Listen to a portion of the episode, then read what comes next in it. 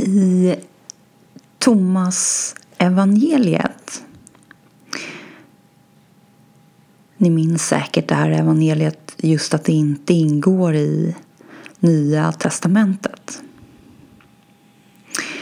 Men i det evangeliet så finns det en paragraf som vi har nämnt vid ett tidigare tillfälle och det är paragraf 77. Och jag läser på engelska nu. Jesus said I am the light that is over all things. I am all. From me all came forth, and to me all attained. Split a piece of wood, I am there. Lift up the stone, and you will find me there. Så Jesus säger då Jag är ljuset över alla ting eller allting. Jag är allt.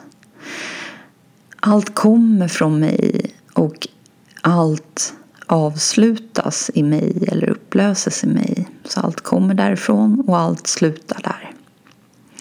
Klyv ett vedträ, där är jag. Lyft upp en sten och ni kommer att finna mig där.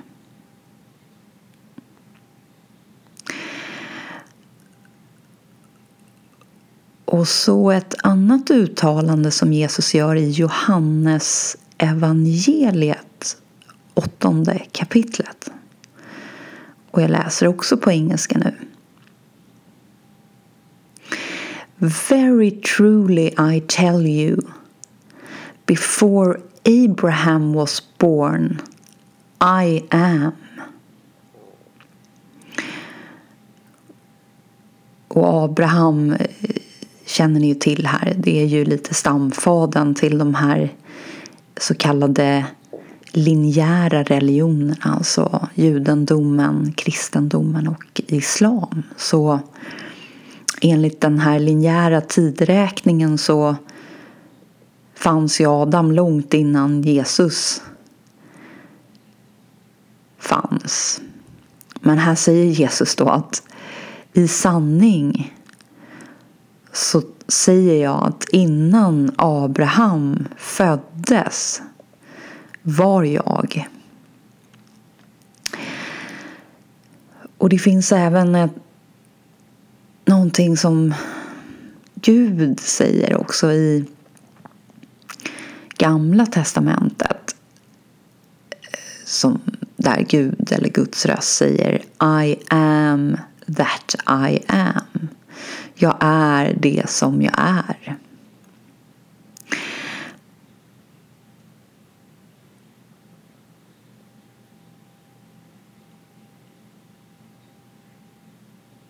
Så på något sätt blir det ju ganska tydligt här att Jesus ändå talar från en position som är tidlös på något sätt.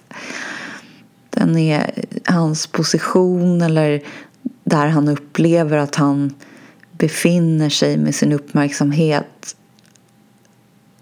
är på något sätt bortom tiden, den linjära tiden eller det, vi andra skulle kunna uppfatta och se som tid. Och det är också uppenbart att han upplever sig som formlös så tillvida att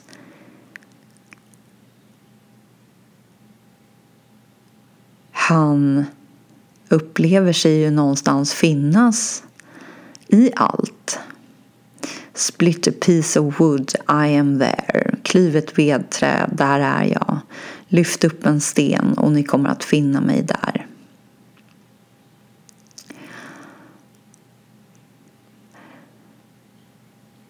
Så just det här tidlösa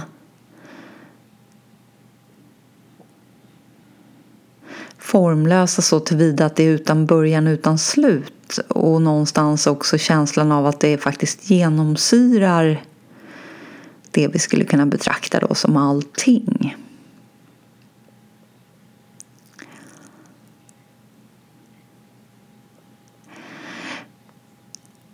Och mycket av det som vi trots allt oavsett hur vi ställer oss till en, kallar för en högre sanning så eh, är det ändå vissa komponenter som ingen av oss nog skulle förneka att de på något sätt har någon form av existens. Som till exempel solljus eller värme eller kärlek eller en regnbåge. Och det kanske även finns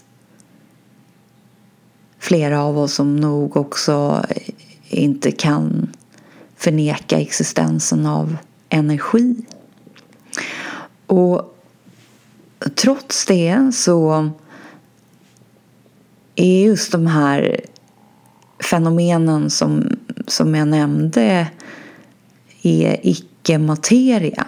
Det vill säga de har ingen massa och inte någon volym. Så de kan inte leva upp till definitionen av just vad som betecknas eller betraktas som materia. Så då blir de tillsammans med allt annat som inte upplever upp till de kriterierna någon slags icke-materia. Någon slags icke-ting eller vad vi ska kalla det för. Och vi har varit inne på det här förut, det här med inget ting och någonting. Och ur, sett ur, ur ett procentperspektiv så är ju då det här inget tinget är ju oändligt mycket större, eller vad vi nu ska säga, i förhållande till något tinget.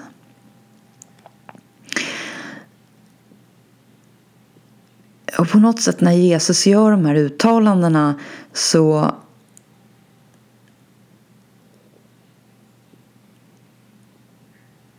känner jag att han talar utifrån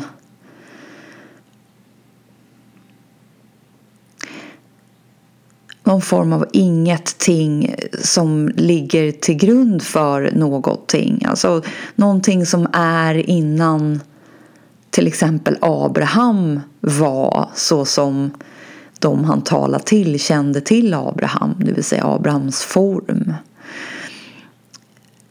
Så det är, det är uppenbart att det är någonting tidlöst och sen det här just att oavsett om ni kliver ett vedträ eller om ni tittar under en sten så finns jag där. Och också det här, allt kommer från mig och allt avslutas i mig eller allt termineras eller allt upplöses i mig. Så att på något sätt är det också tydligt att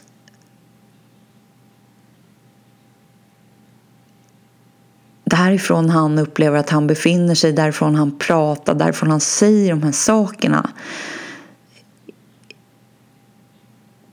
är överallt gällande på något sätt.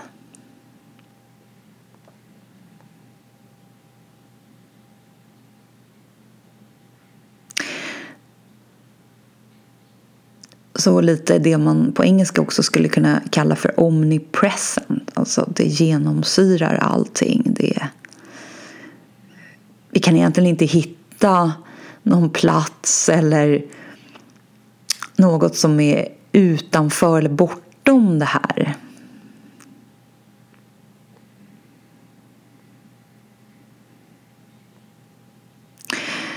Och Jesus talar ju ofta i sin, om vi får kalla det för lära, just livet eller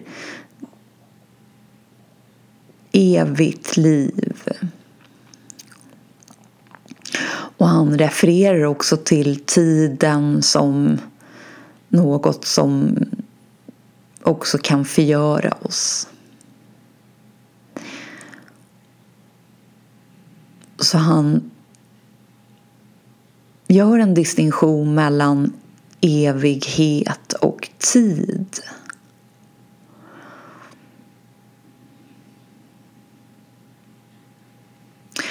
Och ni kanske minns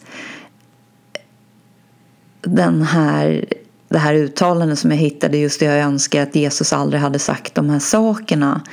Och där överst på den listan var just den här, det här uttalandet när den här mannen kommer och Jesus uppmanar mannen att följa honom och hans lärjungar och hans följe också för han hade ju ofta med sig fler än bara sina lärjungar åtminstone lite grann på dagarna när han gick omkring. Eh, och mannen säger låt mig först gå hem och begrava min far. Och Jesus svarar låt de döda begrava de döda. Kom istället och följ mig och proklamera livet. Eller proklamera himmelriket. Och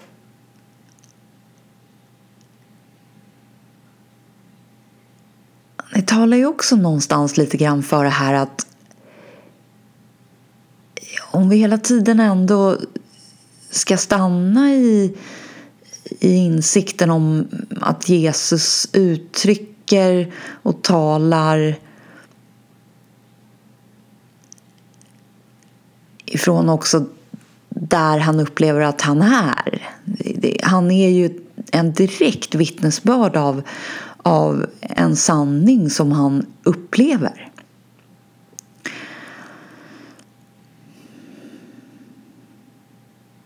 Och han säger också i Thomas evangeliet paragraf 17 så här, och jag läser på engelska nu. Jesus said I will give you what no eye has seen, what no ear has heard, what no hand has touched, what has not arisen, arisen, arisen säger man nog tror jag, in the human heart. Så jag ska ge er något, eller det som inget öga har skådat. Det som inget öra har hört. Det som ingen hand har vidrört. Det som ännu inte har uppstått i det mänskliga hjärtat. Så på något sätt pekar han ju även här, pekar han ju oss lite grann bortom tingen, bortom också den mänskliga formen. Det som inget öga har sett, det är ju bortom det vi upplever att vi ser som ju är tingen. För det är ju faktiskt framförallt det som vi upplever att vi ser. Space är ju någonting som möjliggör tingen lite grann, tingens existens på något sätt. Om vi har ett rum så utan space skulle ju inte möbler kunna finnas där. Men tack vare ytan så kan möblerna och det som finns i rummet vara där. Men det är ju inte spacet eller rymden vi ser utan vi ser ju egentligen eh, väggarna väggarna och taket och golvet och sen möblerna. Så vi har ju på något sätt ett fokus på tingen, på objekten, det vi uppfattar som något ting. Men nu säger Jesus att jag ska ge det som inget öga har sett. Det som inget öra har hört. Så att på något sätt är det ju även bortom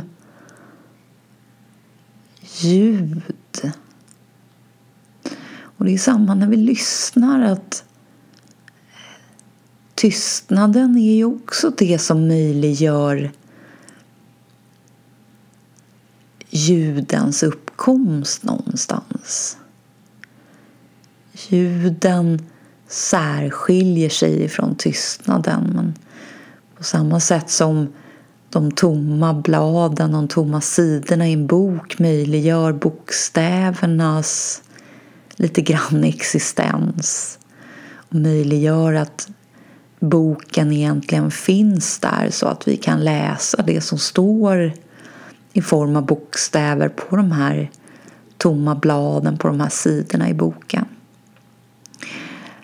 Men vi är programmerade, vi är intränade på att hela tiden fästa vår uppmärksamhet vid det som sticker ut, what stands out. Alltså det som på något sätt utmärker sig som någonting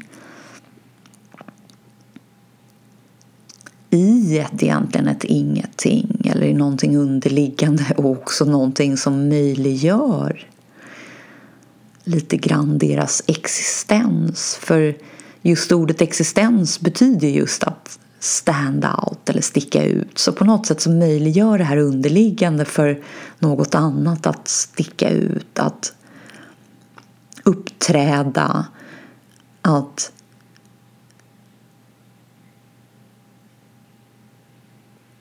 ses, att uppfattas, att höras av egentligen sinnena. Och det som ingen hand har vidrört. Så på något sätt verkar det också vara det vi ska få är någonting som inte riktigt kan uppfattas med de här fysiska sinnena. Vi måste på något sätt gå bortom det. Och sen säger han då lite grann det som ännu inte har stigit upp eller uppstått i det mänskliga hjärtat. Och vi var ju inne på det i förra avsnittet, det här lite grann med hjärtat och Jesus refererar till hjärtat och det gör ju uppenbarligen andra delar av då den kristna och även faktiskt den judiska heliga skriften, det vill säga Gamla testamentet. Och återigen, eh, som ni säkert har märkt så ser ju jag eh, sanningarna eh, som lite grann överallt både gällande och överallt också återkommande. Att på samma sätt pratar ju självklart även till exempel Ramana om hjärtat som något icke-fysiskt, ett ingenting. Men högst påtagligt ändå som har en existens och vi upplever den inom oss alla. Eh, och där allt på något sätt uppstår. Så egentligen kanske inte hjärtat i sig självt har den existensen i att det sticker ut eller stands out men det, det är där. Och på något sätt pekar Ramana också tydligt mot att det är det här det uppstår, det här det händer. Och det är också där det termineras. Och Jesus på samma sätt pekar in mot ett hjärta som blir lite grann avgörande för den sanning som vi bygger vår tillvaro på. Vår uppfattning om världen, vår uppfattning om oss själva. Och indirekt verkar det som lite grann också faktiskt det dynamiska händelseförloppet.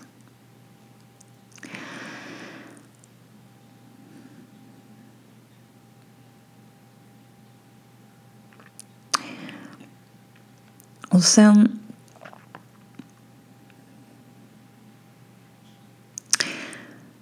så säger Jesus så här i Thomas evangeliet 88 och det här finns även med lite grann i Markus evangeliet kapitel 13.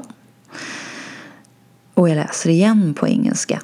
Jesus said The messengers and the prophets will come to you and give you what belongs to you.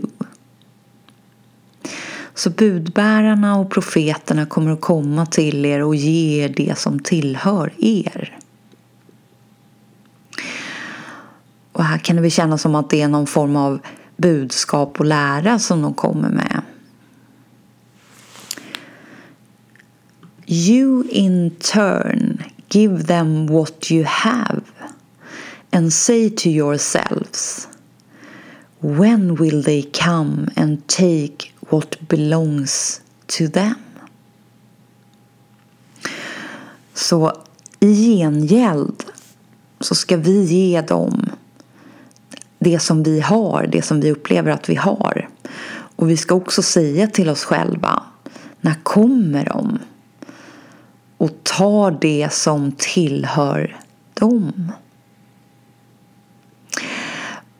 Och här får vi också se någonstans budbärarna och profeterna. Det är ju ändå en slags vi kan se det som brevduvor som ändå någonstans då eh, Gud har skickat iväg på något sätt. Och nu är inte Gud någon person som står och skickar iväg duvor, det är inte det jag säger. Det här är rent, rent symboliskt, eller vad jag ska säga, bara för att vi ska få en bild av liksom vad, vad Jesus, när han använder budbärare och profeter, alltså det är på något sätt, de, de kommer ju lite grann och talar ändå sanningens språk på något sätt. De har en, en indirekt en auktoritet av, av sanning någonstans. Eh, och de kommer komma och ge det som tillhör er. Alltså vi, vi har rätt till sanningen. Det är uppenbarligen någonting som tillhör oss, sanningen. I form av budskap. Och i gengäld då så ska vi ge dem det som vi har. Alltså allt det vi upplever att vi har. Och vi ska samtidigt säga till oss själva när kommer de och tar det som tillhör dem. Och det här uttalandet är ju verkligen samma pekare lite grann som eh, både Saint Ignatius of Loyola frivilligt uttalade när han ville lämna över sig eller lämna tillbaka Take and receive, O Lord. Eller hur? Så både ta och ta emot. Eh, allt, my understanding, my memory, my entire will. Så att han var ju verkligen surrender, lämna tillbaka, lämna över. Allt det som han upplevde att han hade. Eh, och på Ramana på samma sätt så talar om surrender och the act of surrender. Att det egentligen inte är någonting som vi ger upp på det sättet att det är någonting som vi egentligen någonsin har haft. Och Maharaj på samma sätt uttrycker eh, som den här nästan lite bönen för mänskligheten. Om vi bara skulle åtrå eller liksom önska det som alltid har varit vårt och ge upp allt det som aldrig kan bli vårt.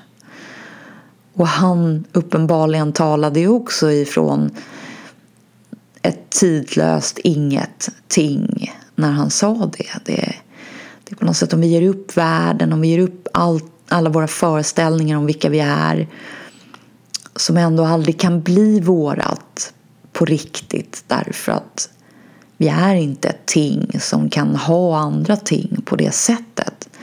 Och istället vänder oss hemåt och på något sätt önskar oss återigen att vara ett, medvetet vara ett med det vi är. Då, då skulle allting vara, bli bra. Och Jesus lite på samma sätt här pekar på att vi är berättigade till sanningen och sanningen om oss själva också. Och i gengäld så ska vi ge de här budbärarna, de här profeterna, de här sanningssägarna det som tillhör dem och vi ska till och med säga när kommer de att ta det som tillhör dem så att vi på något sätt återigen kan bli medvetna om sanningen. Och Rumi är också en sufist, ni minns den här mystiska grenen till islam. Eh, också poet eh, som då bland annat uttrycker The eye removes the eye yet remains the eye. Och det är på något sätt det här också som måste ske. Så att han befäster ju också lite den här profess, processen, den här uppoleringen som Maharaj talade om. Alltså jaget på något sätt måste göra sig av med jaget. Alltså den personliga identiteten, det vi tror oss, upplever oss vara måste på något sätt upplösas så att jaget förblir jaget och, och samtidigt sanningen återigen blir tydlig för oss. Och Rumi har också sagt en annan sak som jag vet att jag på något sätt har nämnt flera avsnitt än men kan nämna det igen här och det är just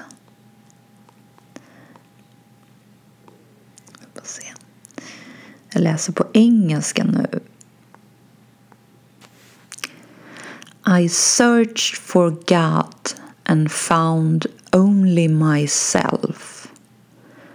I searched for myself and found only God. Jag sökte Gud och fann endast mig själv. Jag sökte mig själv och fann endast Gud. Och ni minns kanske också Meister Eckhart från förra avsnittet. Det här ögonblicket när det jag upplever mig själv vara och det som på något sätt är Gud eller sanningen och, och Meister benämner det också som Gud. And just as that breaks through into me so I break through into that. Så i samma ögonblick som det eller Gud bryter igenom in till mig så bryter jag igenom till Gud så på något sätt blir vi ett.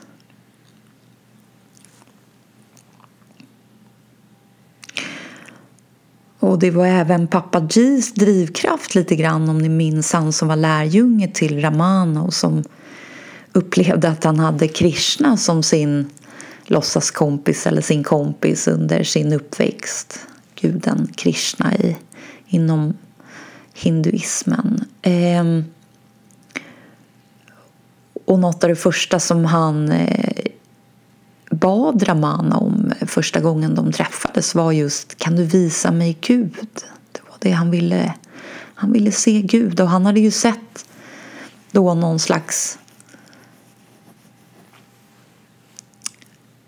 manifestering eller eh, eh, gudabild i Krishna. Han visste ju att Krishna var ju någon slags eh, manifestation av Gud i, i, i en form. Men han ville, han ville se Gud, rikt, riktiga Gud eller Gud bakom, bakom alla de här gudabilderna som han ändå förstod var någon slags manifestation av någonting större, av källan.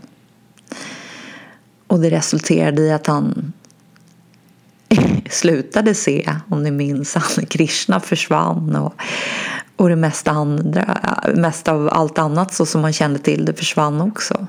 Och till slut så, som sagt, var bara Gud kvar.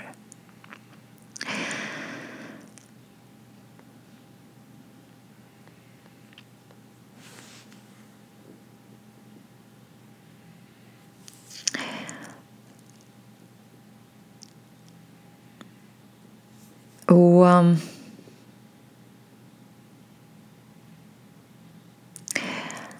en annan paragraf här från Thomas evangeliet. Eh, jag läser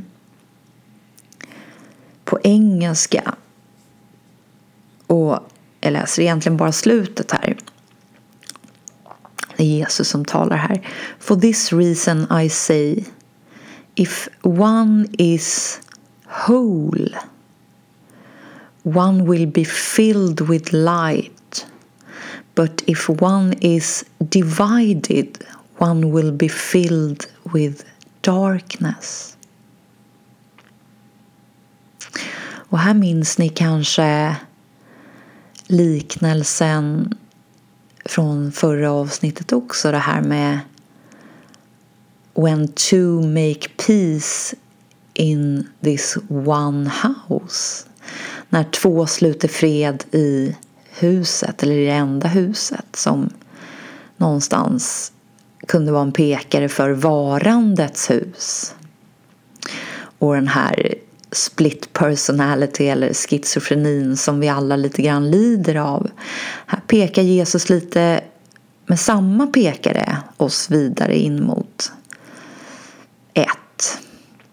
For this reason I say if one is whole om någon är hel One will be filled with light, då fylls vi med ljus.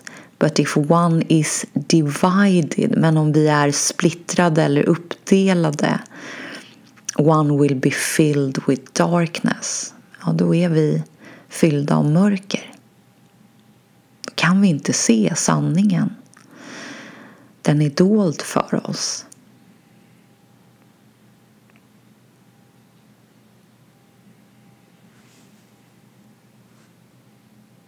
Och han säger också i paragrafen innan, eller det är samma paragraf men i stycket innan, och det är fortfarande då Thomas evangeliet paragraf 61. Jesus said, I am the one who comes from what is whole. I was granted from the things of my father. Så han kommer från det som är helt. Det är därifrån han talar. Det är där han upplever att han är. Och jag automatiskt när han befinner sig där då så tillfaller ju allt det som tillhör fadern honom. Och ni minns ju på samma sätt kanske den förlorade sonen och han som valde att stanna hemma där. Och faderns ord till honom också att allt mitt är ditt. Och allt det som tillhör mig tillhör dig och, det, det har du alltid. Men istället ville fadern då fira den här sonen som hade vänt sig bort ifrån sanningen eh, och dragit iväg med sin uppmärksamhet hemifrån och hamnat lite grann i mörkret i, den här, i det här tillståndet av uppdelning eller av en split. Och det var värt att fira när han återvände tillbaka.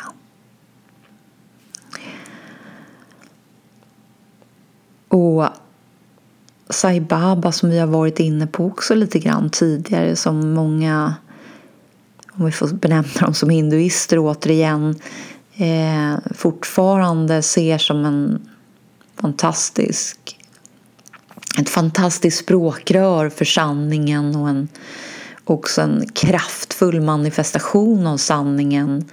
Eh, och även då anser att han var verkligen en embodiment of truth, alltså någon form av avatar. Eh, och han uttryckte sann lycka på följande sätt. What is true happiness? True happiness is to reunite with God. Sann lycka är att få återförenas med Gud. Och den här pekaren återförenas. Vi har vänt oss från sanningen. Vi har drömt oss bort en stund. Och till slut så kommer vi inte riktigt längre där, eller vi vill inte komma, vi vill inte gå längre åt det hållet utan vi börjar längta lite grann bort. Men egentligen längtar vi faktiskt hem. Hem till sanningen om oss själva och hem till oss själva trots att vi egentligen inte kan vara någonting annat än oss själva så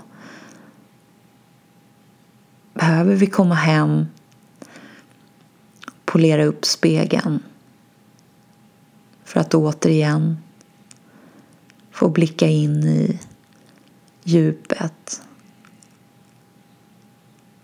i oss själva och få emerge upplösas som avskurna monotona, alltså självstyrande enheter behöver få upplösas i sanningen om oss själva. Och sanningen som ligger till grund för allt. So I searched God and found only myself. I searched myself and found only God.